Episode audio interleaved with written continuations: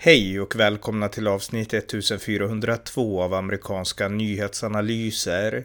Sveriges enda konservativa USA-podd med mig, Ronny Berggren, som kan stödjas på swishnummer 070-30 28 95 0. USA har lämnat Afghanistan, men Afghanistan har inte lämnat den amerikanska politiken. I ett kongressförhör medgav ett antal generaler att det på ett tydligt sätt varnade president Biden för konsekvenserna av att helt lämna Afghanistan. Men Biden lyssnade inte. Här berättar jag mer om detta som varit de senaste dagarnas stora snackis. Varmt välkomna! Ja, amerikanska politiker de fortsätter att prata om uttåget från Afghanistan och häromdagen så höll senatens Armed Services Committee en utfrågning med de tre huvudsakliga inblandade med stort ansvar för uttåget och det var försvarsminister Lloyd Austin, det var general Mark Milley som är eh, eh, chairman of the Joint Chief of Staff, alltså den högsta eh, militära personen i USAs militär och därtill general eh, Kenneth Frank McKenzie som är ledare för CENTCOM, befälhavare för CENTCOM, eh, som alltså har översyn över USAs operationer i Mellanöstern och däribland också Afghanistan. Så att de pratade inför senaten och eh, en fråga som blev väldigt eh, belyst under den här utfrågningen som var flera timmar lång och som handlade om många olika ämnen. Men en sak som varit väldigt belyst, det var om de hade gett Joe Biden rådet att lämna kvar soldater i Afghanistan. Därför att Joe Biden förnekade att någon hade gett honom det rådet. Eh, han gjorde det i en intervju den 19 augusti med George Stephanopoulos och där så sa Joe Biden så här. Put a whole hell of a lot more troops But in. your top military advisors warned against withdrawing on this timeline. They wanted you to keep about 2,500 troops. No, they didn't. It was split. That, that, that wasn't true. That wasn't true. They didn't tell you that they wanted troops to stay? No, not, at, not in terms of whether we were going to get out in a time frame, all troops. They didn't argue against that. So no one, no one told your military advisors did not tell you, no, we should just keep 2,500 troops. It's been a stable situation for the last several years. We can do that. We can continue to do that. No, no one said that to me that I can recall. Och eh, nu fick de här generalerna då frågan i, i det här senatsförhöret om, eh, ja, indirekt så fick de frågan, stämmer det här att Joe Biden inte fick något råd om att lämna kvar soldater i Afghanistan? Och eh, vi kan spela ett klipp från de här tre personerna. Eh, general Mark Milley, general Kenneth Frank McKenzie och försvarsminister Lloyd Austin. I recommended that we maintain 2,500 troops in Afghanistan. My assessment was uh, back in the fall of 20, and it remained consistent throughout, that uh, we should keep a steady state of 2,500, and it could bounce up to 3,500, maybe something like that. Their input was, uh, was received by the president and considered by the president. Så kort och gott, vad de här säger är att vi gav eh, president Biden rådet att lämna kvar soldater. Det var militärens i princip enhälliga uppfattning, för det här är ju de toppledarna för amerikansk militär när det gäller operationen i Afghanistan. Och vi gav rådet att minst 2500 soldater skulle lämnas kvar. Och orsaken till det, det var att eh, om man inte lämnade kvar soldater så skulle Afghanistan riskera att falla. Det här var ju en riskkalkyl som gjordes även innan sommaren att, och då trodde man att inom sex månader så finns risken att Kabul faller. Sen tog det bara typ en vecka, men, men liksom det var ändå den bedömningen att Kabul klarar sig inte utan USA, utan amerikanska försvarsstyrkor i, i, i landet och i staden. Eh, så att den bedömningen gjordes tidigare. Eh, en annan orsak till att man önskar ha kvar soldater, det var att kunna bedriva kontraterror i Afghanistan. Afghanistan Och eh, om man inte hade soldater kvar så skulle risken finnas att al-Qaida skulle kunna göra comeback, att Isis-K skulle kunna avancera och så vidare. Och eh, det är ju någonting som, som man fortfarande är djupt oroade för. Och eh, nu är fallet så eftersom nu USA har gjort ett fullständigt tillbakadragande.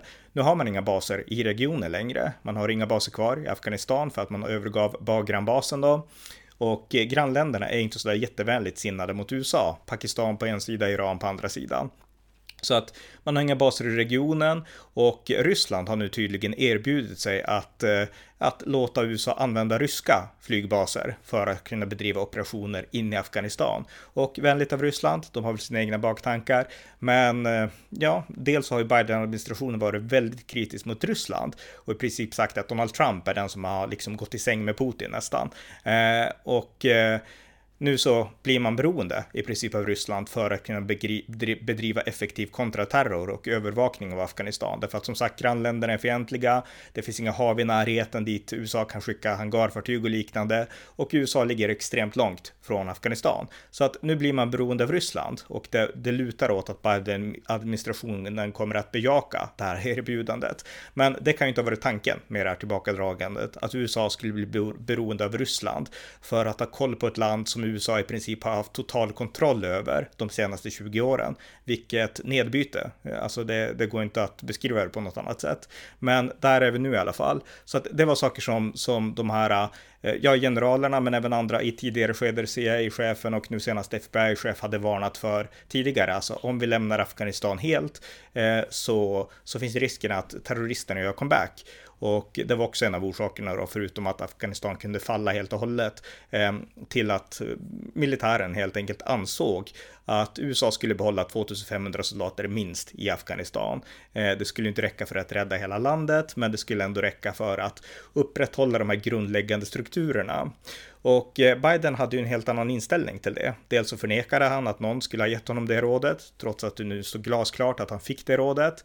Eh, men han menar också att ja, men det hade inte räckt, menar Biden själv då, därför att orsaken till att ingen attackerade oss på slutet, det berodde på att talibanerna hade ett avtal med oss. Och om vi hade stannat kvar med så här få trupper, då skulle talibanerna ha återupptagit sitt krig, sitt jihad mot USA. Och eh, för att kunna stävja en sån kamp så skulle USA ha behövt skicka in tiotusentals soldater till Afghanistan igen. Och det är ingenting som ligger i USAs intresse att göra, sa Joe Bidens presstaleskvinna Jen Psaki när hon fick en fråga om det här senare på en presskonferens. Så att det var Bidens inställning. Eh, och eh, Jen Psaki berättade också att, att det hade funnits flera olika röster med flera olika råd och att det var liksom inte svartvitt vitt utan Biden lyssnade på råd från alla håll. Men det som framkom i räsenhetsförhöret och det är det som är det intressanta, det är att militärens råd, för de här tre generalerna, det är alltså USAs topp när det gäller eh, militären. De gav rådet, lämna kvar 2500 soldater i alla fall. Och vilka gav då de andra råden? Jag har inte liksom supergrävt i det, men det är förmodligen hans National Security Advisor och andra liksom som inte har direkta eh, militära insikter utan mer Eh, militärpolitiska insikter och liksom sådana saker, men inte det här militärt strategiska. Så att råden att lämna helt fick han från andra håll och inte från militären. Och det är en viktig skillnad och en viktig distinktion här. Så att eh, Ehm, ja, det har helt enkelt uppstått en spricka i bilden utåt. Biden vill hävda att, eh, att han gjorde, ingen sa något annat och han gjorde rätt och det här var det rätta för USA. Men nu när man lyssnar då på militären så, som vittnar då inför under ed inför senaten så, så framkommer det tydligt en annan bild. De gav rådet att lämna kvar soldater och det hade inte räckt för att rädda hela Afghanistan, men det hade kanske räckt för att kunna bedriva kontraterror, se till att Kabul inte faller och eh, eh, ja, inte minst se till också att uttåget av alla andra av civila och liksom andra soldater från Afghanistan och eh, de som arbetade för USA, att det skulle kunna fungera bättre än det faktiskt gjorde.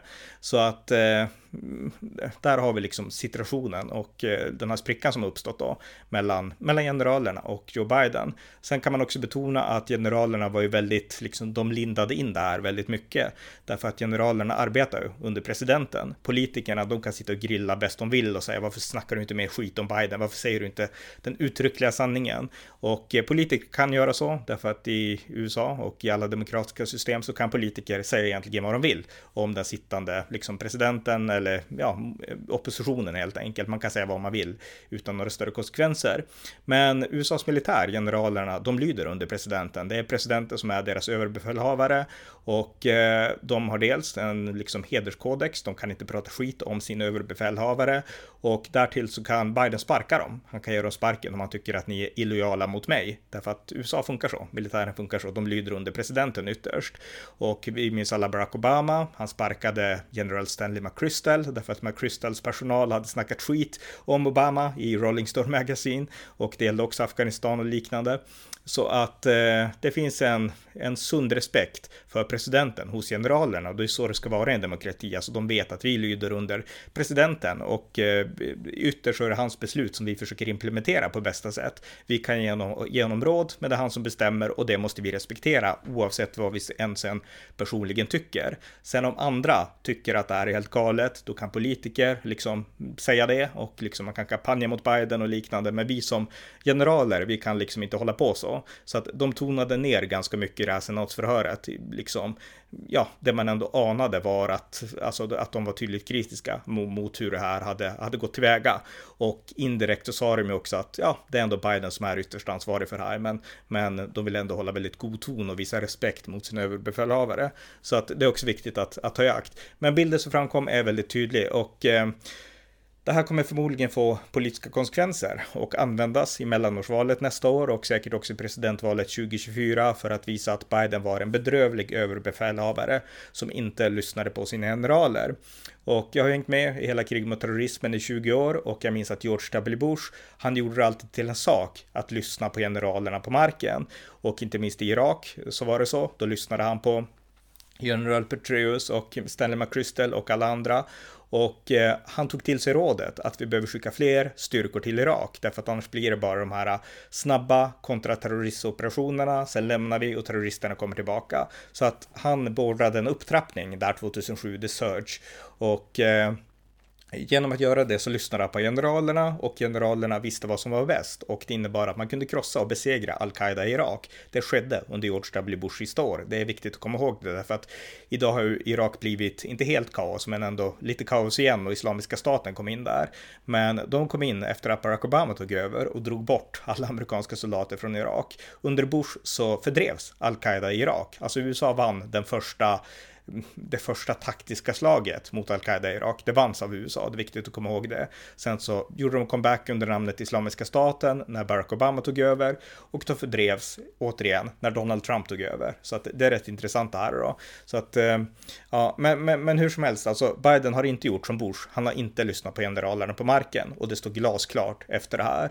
Och det föreleder en sista sak när det gäller den här, eh, när det gäller ämnet just nu och det är att varför lyssnade Biden inte på, på de här generalerna? En orsak är såklart det vi var inne på att Biden är en kritiker till Afghanistankriget. Han har varit det väldigt länge, inte, inte från första början, då var han för som alla andra. Men han varit väldigt snabbt en kritiker till Afghanistankriget och ville att USA skulle lämna. Han var väldigt bestämd kring den saken, så att det, det är en förklaring. Men en annan förklaring är också att det har inte funnits något riktigt intresse för Afghanistan i USA. Det fanns kanske de första åren för typ 17-18 år sedan, men det har inte funnits på, ja, på ett årtionde egentligen. Det fanns också, eller det blev ett visst intresse när USA under Barack Obama gjorde en upptrappning där 2012 eller någonting. Men efter det så, så har inte intresset varit så jättestort egentligen, utan man, Afghanistan har blivit en, en sidotanke på sin höjd och väldigt många amerikaner har inte ägnat Afghanistan någon tanke alls. Och det är en av orsakerna, eh, eller en av orsakerna till det, det beror ju helt enkelt på att USA hade en helt frivillig armé. Och soldaterna i Afghanistan de senaste åren var väldigt få. Det var ju bara 2500 soldater där nu på slutet. Och eh, majoriteten av amerikaner kände förmodligen ingen eh, amerikan som just nu tjänstgör i Afghanistan. Därför att de var så få. Och även när det var liksom större eh, militära insatser i Afghanistan så var det ändå liksom skilt från folket på ett helt annat sätt. För det var ett krig långt borta och eh, de senaste tio åren har inte så många dött i Afghanistan, amerikanska soldater. Så att eh, det var ett väldigt distanserat krig och på så vis så förlorade man intresset för, för liksom det strategiskt viktiga i att vinna och i att behålla Afghanistan säkert. Och eh, det här är ironiskt därför att eh, en orsak till det, det berodde på att USA hade en helt frivillig armé i det här kriget mot terrorismen. Eh, alla som har tjänstgjort i Irak och de här nästan, de här 800 000 som har tjänstgjort i Afghanistan, de har gjort det frivilligt. Och det innebär att den stora majoriteten av amerikaner behöver inte komma i kontakt med den här världen. Och det är skillnad från till exempel Vietnamkriget där det var liksom alla skulle ja, alla kallades in, helt enkelt alla män kallades in för att i en viss ålder för att eh, ja, tjänstgöra i Vietnam. Och då blir det naturligtvis en stor diskussion i samhället. Vad är kriget, vad det handlar om, vad det går ut på, är det värt det och så vidare. Den diskussionen har funnits bland politiker och politiska nördar och givetvis bland militären, men den har inte funnits bland allmänheten. Och det har gjort, eh, det har banat väg för det här klimatet som gör att Biden kan fatta beslut, liksom att nu ska vi lämna Afghanistan utan att det blir någon större diskussion är det här bra, vad säger de ena och det andra, utan han har börjat kunna göra så utan att möta motstånd. Och eh, även tvärtom, alltså han har också kunnat eldat på det här med att vi ska inte driva eviga krig och väldigt många har gått på att, att USA gör det, trots att så inte är fallet. Men allt det har kunnat göras därför att det har inte funnits någon omfattande bred diskussion om Afghanistan. Den fanns som sagt kanske för 18-17 år sedan, men, men den har inte funnits de senaste åren. Och eh, just den här bristande, liksom, det här bristande intresset för Afghanistan, det har också banat väg för Bidens, eh, ja, i hans värld logiska, men likväl ogenomtänkta beslut, skulle jag säga. Så att Biden bär det yttersta ansvaret för det här, men det är också dis diskussionen liksom, kring Afghanistan. Vad har vi lyckats med? Vad ska vi göra? Och så vidare. Och till vilket pris? Alltså den diskussionen har varit eh, osynlig de senaste åren och det är också mycket beklagligt och en av orsakerna till, till det här misslyckandet. Då. Men hur som helst, det här är mm, ja, det senaste om detta ämne. Eh, en stor diskussion mellan generalerna och Joe Biden, en indirekt diskussion. De går ju inte i någon öppen konflikt med Joe Biden direkt, men, men liksom tittar man på det hela utifrån så står det tydligt att Biden fattade beslutet på egen hand och USAs militär, hade man lyssnat på dem mer så hade USA behållit 2500 soldater. Och ja, innebörden av det skulle förmodligen vara att Kabul skulle inte ha fallit. Det här katastrofala uttåget skulle inte ha blivit katastrofalt och eh, talibanerna skulle inte ha kommit till makten i Afghanistan. Eh, så att eh, ja, lek med tanken. Tänk om Joe Biden hade lyssnat på generalerna. Det är det som blir kvar efter den här utfrågningen. Och det kommer ju säkert att bli fortsatt politik om det här och eh, kanske någon större fullskalig kongressutredning också av, av Afghanistan-tåget och definitivt valpolitik i mellanårsvalen nästa år. Men det var lite grann i alla fall. Generalerna varnade faktiskt Biden för att lämna Afghanistan. Det var avsnitt 1402 av amerikanska nyhetsanalyser. En podcast som beskriver amerikansk politik ur det konservativa perspektiv som saknas i Sverige. Stöd gärna detta arbete på swishnummer 070-30 28 95 0 eller genom att via hemsidan stödja på Paypal, Patreon eller bankkonto. Och dela gärna poddavsnittet i sociala medier. Det var allt för den här gången. Tack för att ni har lyssnat. Thank you.